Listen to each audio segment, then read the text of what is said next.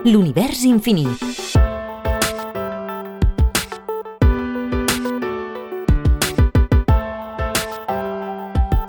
Agrupació Astronòmica de Sabadell.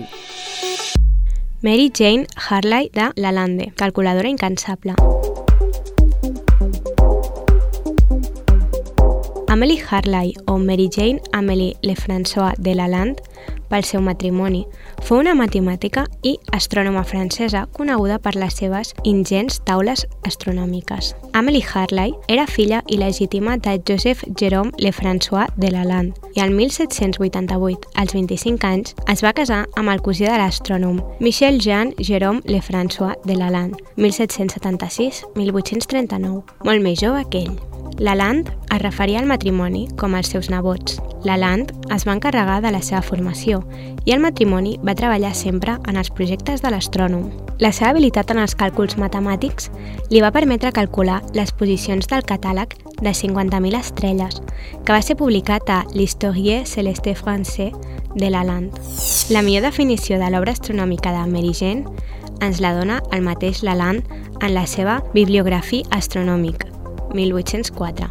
La meva neboda ajuda el seu marit en les seves observacions i n'extreu conclusions mitjançant els càlculs. Ha reduït les observacions de 10.000 estrelles i ha preparat un treball de 300 pàgines de taules d'horaris, una obra immensa per la seva edat i sexe. S'incorporen al meu Abregué de Navigación, 1793.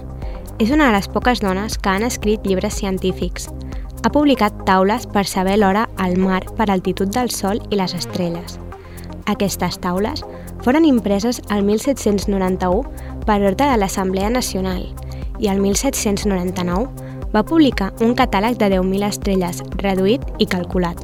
El seu reconeixement social i professional era tan important que el 1791 va poder influir en què el fill de l'astrònom Jean-Dominique Cassini, conegut com a Cassini IV, realitzés la seva primera observació al College de França.